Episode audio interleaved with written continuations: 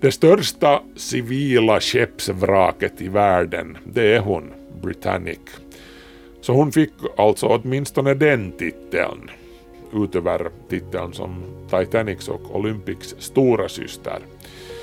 Och Violet Jessup och Arthur John Priest, de kunde i sin tur kalla sig osänkbara. 10, 9, 8, ignition sequence start. 5, 4, 3, 2, 1, 0. Quantum leap. Salto quântico. Salto quântico. Salto quântico. Salto quântico. Salto quantico. Salto quantico. Kvantum. Det du inte visste att du ville veta. Vill du bli odödlig, så att alla fortsätter snacka om dig länge efter att du är borta, då ska du antingen göra någonting riktigt spektakulärt, eller så ska du gå under på ett spektakulärt, tragiskt och dramatiskt sätt. Det här gäller både för människor och fartyg. Estonia till exempel var inte särskilt speciell som fartyg, men hennes och hennes passagerares undergång var ju det däremot. Också den här veckan har hon varit i, i rubrikerna rätt så flitigt. Estonia. Tro det eller inte men Titanic, världens mest legendariska fartyg någonsin, var inte heller så där otroligt speciell. Hon hade nämligen två stycken minst lika speciella systerfartyg. Mer om dem i Kvanthopp idag. Välkommen med, jag heter Markus Rosenlund.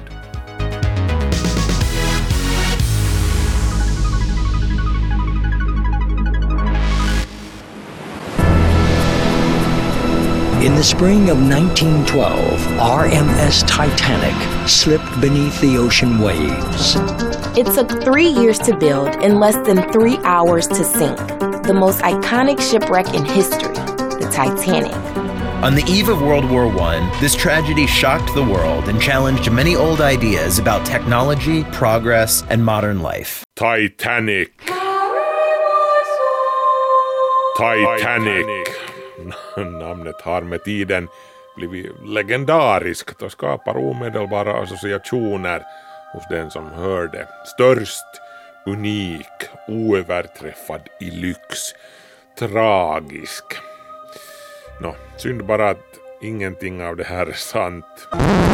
Utom tragisk, såklart.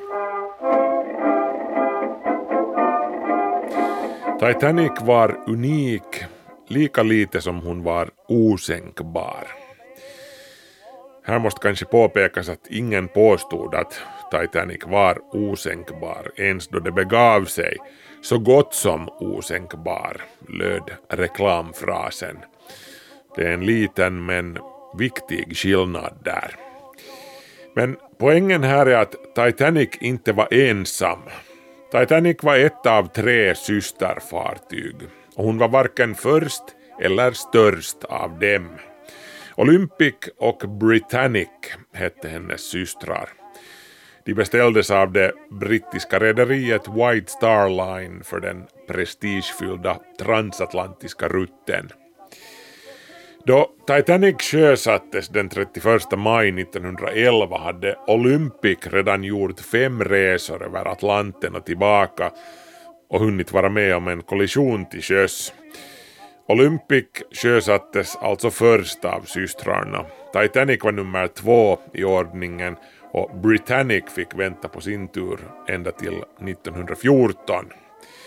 Så Titanic var inte unik i sitt slag, hon var inte störst heller. Britannic var både större och tyngre, åtminstone en aning. När Britannic byggdes så hade man nämligen korrigerat de här bristerna som Titanic hade, som ledde till hennes undergång. Det här gjorde Britannic 4 centimeter längre och hela 60 centimeter bredare än sina systrar. There it is!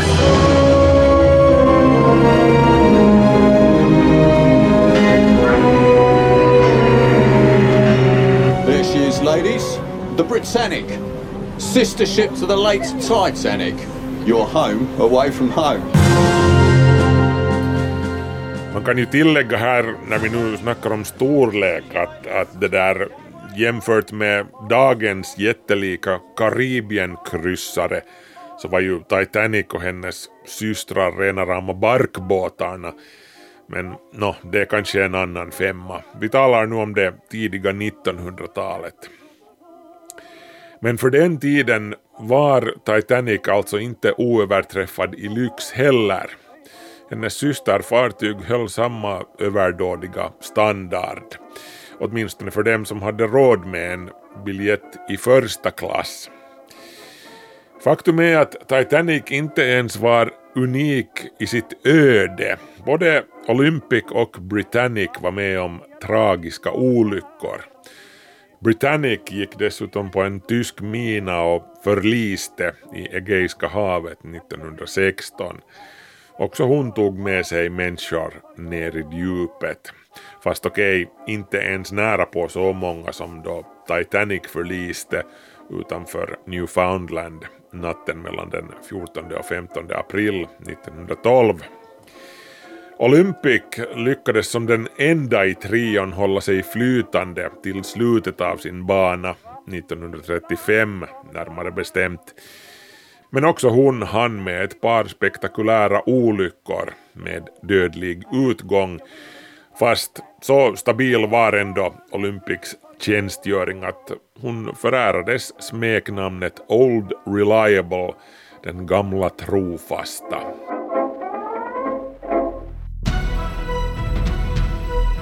I dagens kvanthopp ska vi alltså låta Titanics systrar träda fram i rampljuset, Olympic och Britannic. Vi ska se på den så kallade Olympic-klassen lite mera som helhet. För de hade alla sina egna storyn som förtjänar att berättas, de tre osaliga systrarna Olympic, Titanic och Britannic. Vi ska också höra om ett par osannolikt tursamma individer som var med om samtliga tre fartygs olyckor, inklusive Titanics och Britannics förlisningar, och överlevde dem alla. Vi tar det hela från början.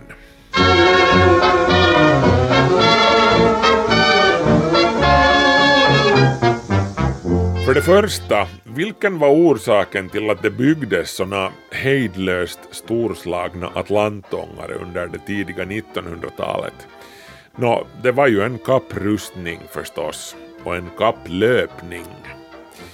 Sedan slutet av 1800-talet pågick det en intensiv tävling mellan brittiska och tyska rederier om vem som hade de största, mäktigaste och snabbaste fartygen på Atlanten. De huvudsakliga tyska aktörerna var Norddeutscher Lloyd, eller NDL, och Hapag, medan britterna representerades av Cunard Line och White Star Line.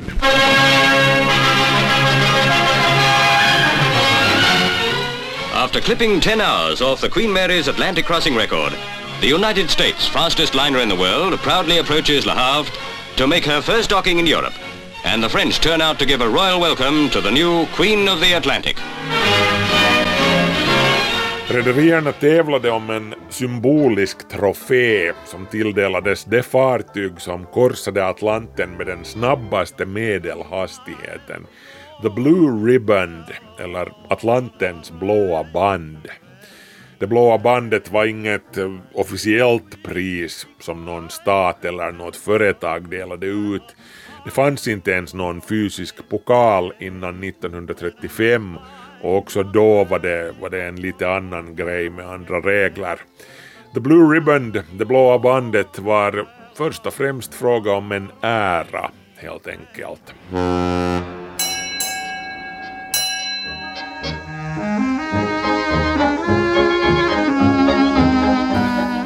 Tävlingen om den snabbaste atlantöverfarten hade pågått sedan den första halvan av 1800-talet. Men det dröjde till omkring sekelskiftet innan det blåa bandet blev ett begrepp inom sjöfarten. Och hur som helst så var hela grejen lånad från hästkapplöpningarnas värld ursprungligen. Men tävlingen om det blåa bandet, hur spontant uppkommen den än var, fick med tiden vittgående historiska konsekvenser. Man kan tvista om vilket som kom först, kapplöpningen eller passagerarna, men hur som helst så ledde det hela till att en väg öppnade sig för miljoner emigranter i västerled. Vare sig Europa eller USA var sig lika efter det här och därmed inte heller den västerländska civilisationen. Man kan till och med hävda att det blåa bandet förkortade andra världskriget med ett helt år. Så här sa det åtminstone Winston Churchill, då med hänvisning till Cunardlinjens snabba fartyg. Främsta främst av dem var Queen Mary som fungerade som trupptransportfartyg under andra världskriget. Queen Mary transporterade amerikanska trupper till Europa och mer än 15 000 åt gången som mest.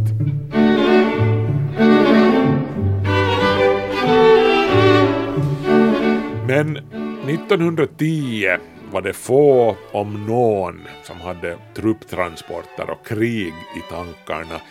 Då var målet först och främst att överglänsa konkurrenterna i fart och flärd.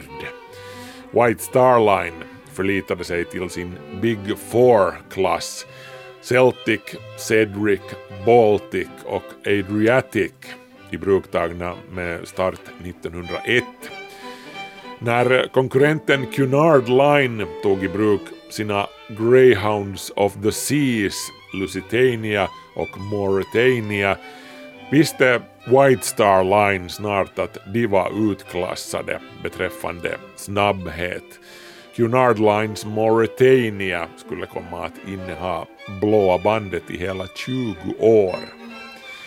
Så White Star Line valde därför att gå en annan väg. De överlät tävlandet med tyskarna om kvickaste Atlantöverfarten åt Cunard Line. Istället beslöt White Star sig för att tävla i lyx och storlek. Deras kommande fartygsklass skulle vara det flottaste och största som någonsin hade flutit på de sju haven. Och sagt och gjort, 1907 åt White Star-linjens VD Bruce Ismay middag med Harland ett Wolf, skeppsvarvets chef William Peary under den här middagen fattades beslutet att den nya Olympic-klassens tre jätteångare skulle byggas på Harland ett Wolfs varv i Belfast i Nordirland.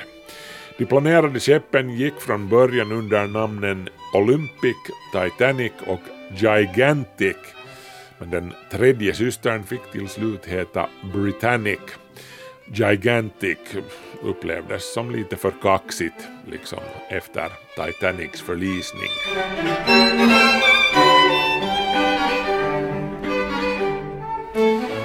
Och beställningen den var klar och uttrycklig. Gör dem till de flottaste och mest överdådiga lyxångarna någonsin. Och de största som sagt. Däremot så behövde de inte bli de snabbaste. Det här stod alltså klart från början. Som sagt, låt Cunard och tyskarna slåss om blåa bandet. Som konstruktörer för de tre nya fartygen valdes Thomas Andrews och Alexander Carlyle.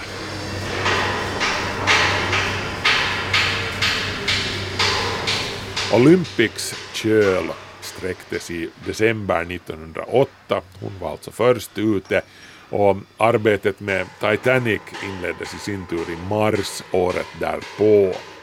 De två systrarna byggdes sida vid sida på Harlandet Wolfs skeppsvarv. Britannic kom sen senare, hon, hon sjösattes inte förrän 2014, eh, flera år på efterkälken. Men en av systrarna var hon också hur som helst.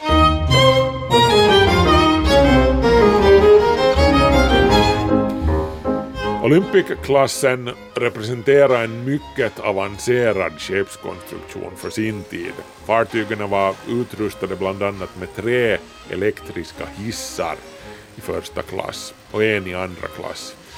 En otrolig lyx anno 1910.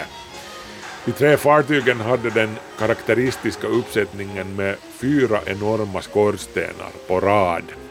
Men bara tre av dem användes för röken från motorerna. Den fjärde skorstenen var faktiskt mera en designgrej och, och så tjänade den också ventilationen ombord. Os och rök från köken samt röken från fartygets röksalonger leddes också ut via den fjärde skorstenen.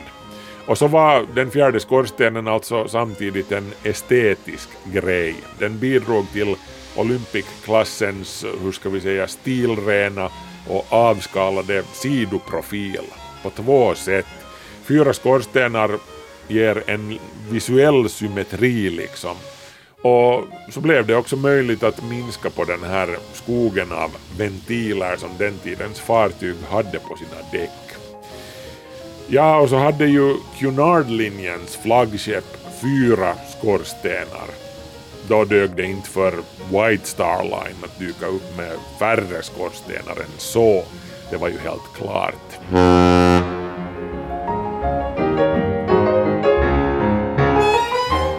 Också om White Star Line inte tävlade i hastighet så var minimikravet hur som helst att resan över Atlanten skulle gå på under en vecka.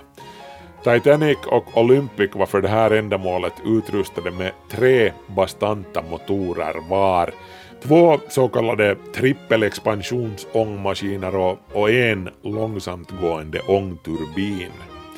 Inalles förfogade kaptenen på Olympic och Titanic alltså över 50 000 hungriga hästkrafter som slukade 600 ton kol per dygn.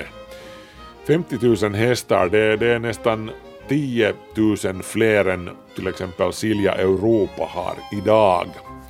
Så att inte illa. Eh, Britannic fick sedan en lite uppgraderad och ännu starkare motoruppsättning. Olympic-klassens ångare hade tre propellrar, den mellersta med fyra blad och de övriga med tre. Den mellersta propellern som drevs av turbinen satt framför rodret. Och det här kan faktiskt ha bidragit till Titanics förlisning. Den propellern den stannade nämligen när man slog back, vilket minskade på rodrets effektivitet. Och det här kan sen ha haft ödesdigra konsekvenser när det kom till att styra undan ett visst isberg. Fartygens åtta länspumpar hade en sammanlagd kapacitet på 425 000 liter per timme. Inte tillräckligt som det skulle visa sig. Liksom inte heller livbåtskapaciteten på 1186 passagerare. Men faktum är att Olympic-klassen mer än väl uppfyllde den tidens krav beträffande livbåtar. Enligt reglerna skulle ett fartyg som Titanic ha livbåtsplatser för 962 passagerare.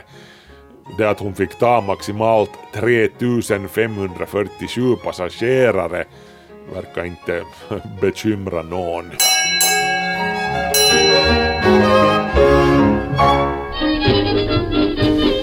Mm. Olympic och hennes systrar mätte snäppet under 270 meter i längd. Ställer du Titanic på ända bredvid Eiffeltornet så är den inte mycket lägre. Och Britannic var som sagt eh, aningen längre och bredare än sina systrar på grund av de skärpta kraven på säkerhet som hade trätt i kraft efter Titanics förlisning. Så det var inte några småbåtar, om vi säger så. Olympic var de facto det största fartyget i världen då hon sjösattes den 20 oktober 1910. Faktum är att hon var det största rörliga föremålet som någonsin hade tillverkats av människohänder fram till dess.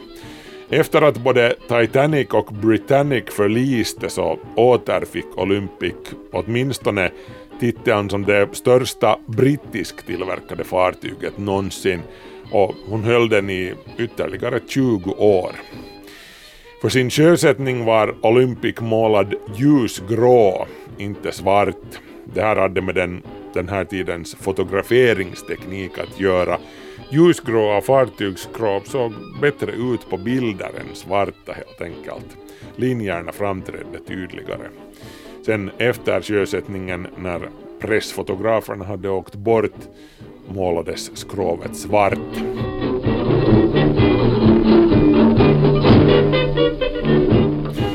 Olympic-klassens fartyg hade annars en nästan identisk bottenplan, men Titanic och Britannic ritades om en aning baserat på erfarenheterna med Olympics första år i tjänst.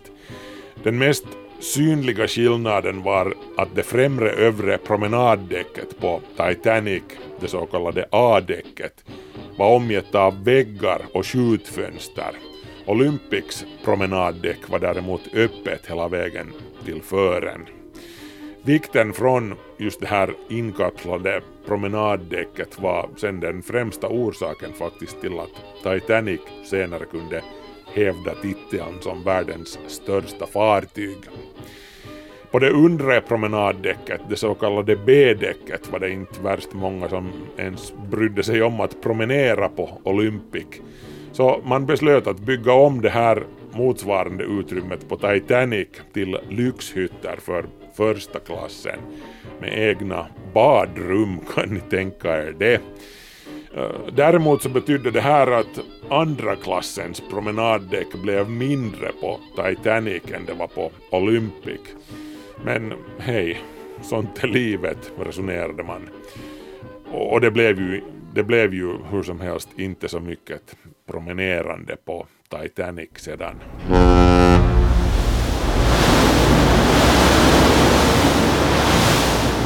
Hur som helst, Olympic kastade loss på sin jungfrufärd från Southampton i England till New York i USA den 14 juni 1911.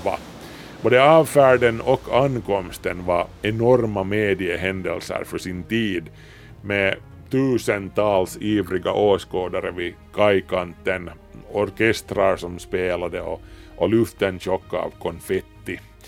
Kaptenen ombord på Olympic var densamma som senare skulle föra befäl över Titanic på hennes ödesdigra jungfrufärd. Edward J. Smith hette han. Kapten Edward J. Smith var av allt att döma inte vald till sin position för sin solida kompetens som kapten, om vi säger så. Han beskrivs som lite av en fåfäng påfågel som tyckte om sin paraduniform med dess blänkande knappar och trivdes bäst vid kaptenens bord snarare än på kommandobryggan. Något som sägs ha gjort honom till White Star Lines gullgossekapten. Han var bra på small talk och på att charma miljonärsfruarna vid middagen. Fyra hela resor till New York, tur retur, han, Smith och Olympic med innan olyckan var framme. På den femte, på sin väg ut på havet genom The Solent, gick Olympic på en parallell kurs med den brittiska kryssaren HMS Hawk. Olympic gjorde en lite oförsiktig sväng mot styrbord och Hawk hann inte väja så den rammade Olympic i akterskeppet med full kraft. Krigsfartyget Hawk var de facto byggd just för att ramma andra fartyg, så den slet upp två stora hål i Olympics skrov, varav ett under vattenlinjen. Två av Olympics vattentäta skott fylldes med vatten, men hon lyckades ändå halta tillbaka till hamnen utan att sjunka.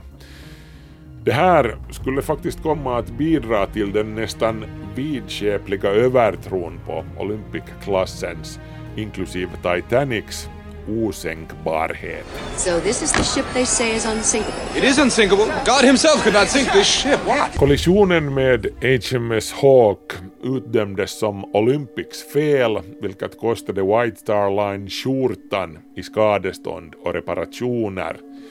Man blev bland annat tvungen att ersätta Olympics skadade propelleraxel med en axel från den kommande Titanic. Det här i sin tur försenade Titanics sjösättning.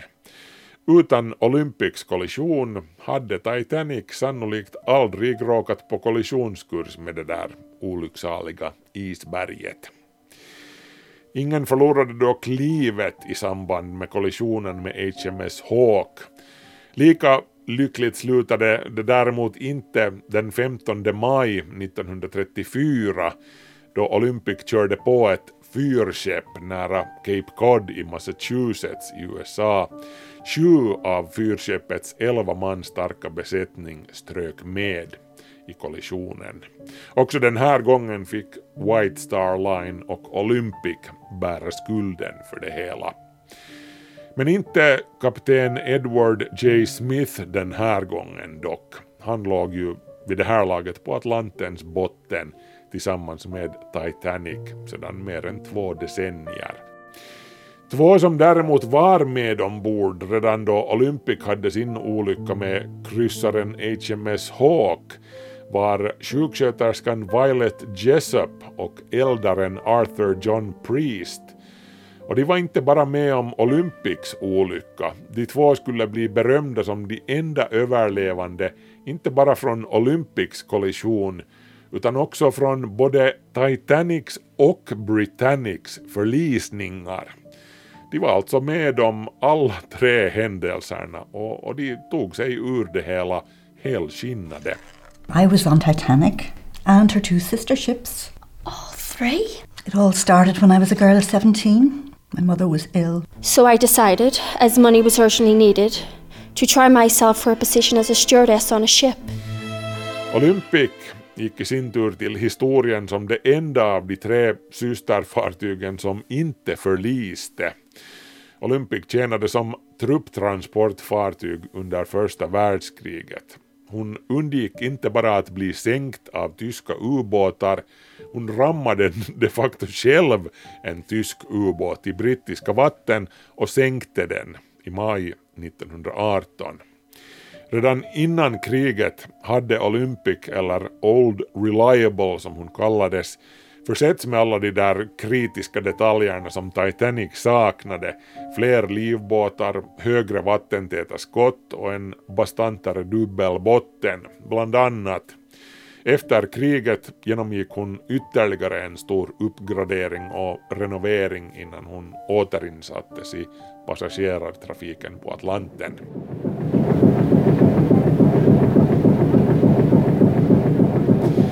Men 1935 hade tiden slutligen seglat om Olympic. Det här var efter olyckan med fyrskeppet alltså. Hon togs upp och skrotades, men delar av hennes flotta inredning togs tillvara och såldes.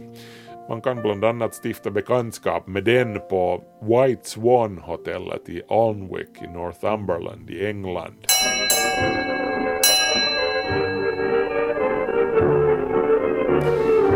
Återstår alltså bara den andra och största av Titanics systrar, Britannic. Vad hände med henne? Britannic var alltså yngst i trion. Hon togs inte i bruk förrän i december 1915, mer än fyra år efter Olympic och tre och ett halvt år efter Titanic. Men hon fick aldrig se en enda kryssningspassagerare och vice versa. Första världskriget kom i vägen. Britannic, som hade kostat White Star Line nästan två miljoner pund, en gigantisk summa på den tiden, eh, rekvirerades direkt av det brittiska amiralitetet. Hon målades vit och togs i bruk som sjukhusskepp i Medelhavet. Och då med en viss Violet Jessup ombord som sjuksköterska och en eldare vid namn Arthur John Priest kända som sagt båda två för att ha överlevt både Olympic och Titanic. Britannic var från början i princip identisk med sina systrar till sin design.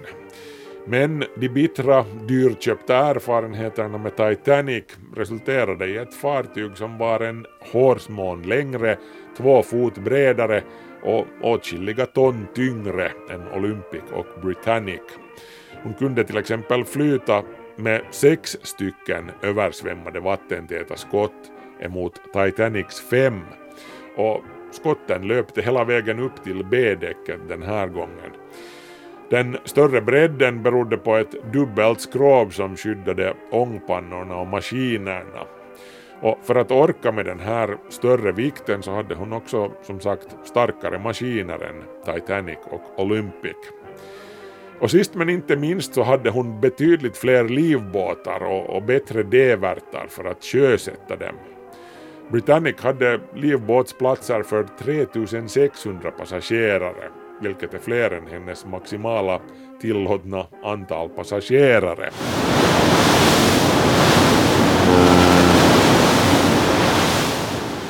Det som Britannic däremot inte hade var titeln som största passagerarfartyget på de sju haven, vilket alltså både Olympic och Titanic kunde kalla sig på sin tid, trots att de var aningen mindre än Britannic. När Britannic togs i bruk var det den tyska SS Vaterland som innehade tungviktstiteln med bred marginal dessutom. Men lyx, det hade Britannic också så det räckte och blev över, fast inte länge. Fylld som hon var med överdådiga mörka trädetaljer och, och annan tidsenlig lyx var Britannic inte lämpad som lasarettskepp, så man tömde henne på sin flotta interiör. Bland annat den mäktiga trappan fick ryka, den där med klockan, den där trappan som Kate Winslet trippar nedför när hon möter Leonardo DiCaprio vid middagen på Titanic. Delar av Britannics trappa lär faktiskt ska finnas installerad i ett privat residens någonstans i Belfast-trakten. Darling, surely you remember Mr. Dawson? Dawson? It was amazing! Och den 21 november 1916, mindre än ett år efter att hon togs i bruk, körde Britannic på en tysk sjömina i Medelhavet nära Kykladerna och förliste med 30 själar förlorade till havet.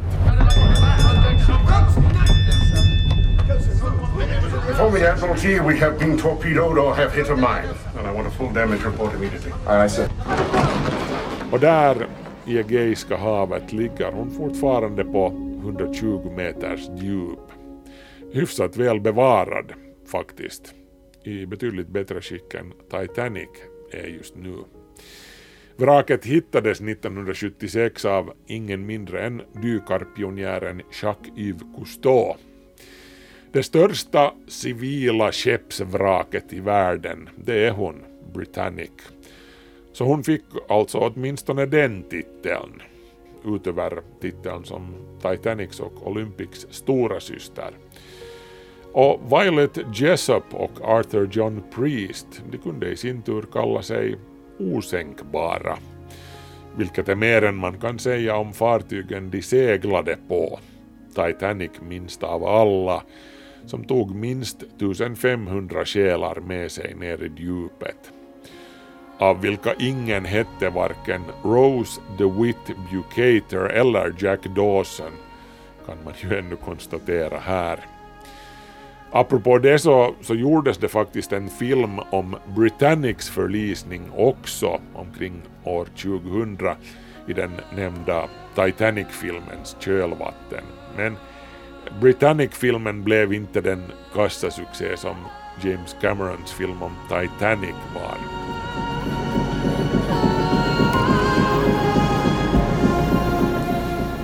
Titanic hade för övrigt talats så vitt och brett om att jag inte tänker säga väldigt mycket mer om henne nu.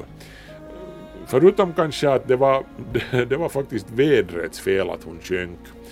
Japp, ironiskt nog så sänktes Titanic inte av en storm utan av stiltje. Om Atlanten inte hade varit så slät som ett salsgolv natten mellan den 14 och 15 april 1912 så hade Titanics utkikar sannolikt i god tid fått syn på de här vågorna som i normala fall bryts mot foten av ett flytande isberg. Styrmannen hade kunnat väja för isberget och katastrofen hade kunnat undvikas. Det hade ju inte heller skadat direkt om utkikarna hade varit utrustade med kikare, vilket de inte var. Det fanns visserligen kikare ombord, men de var inlåsta i ett skåp och nyckeln till det skåpet låg i fickan på en viss David Blair. Han var en sjöman som egentligen var tänkt att segla med Titanic, men blev omplacerad till ett annat fartyg i sista minuten. Hade han kommit ihåg att överlämna nyckeln till skåpet med kikarna innan han mönstrade av Eh, kunde historien ha sett annorlunda ut. Vad kan man säga? Så kan det gå.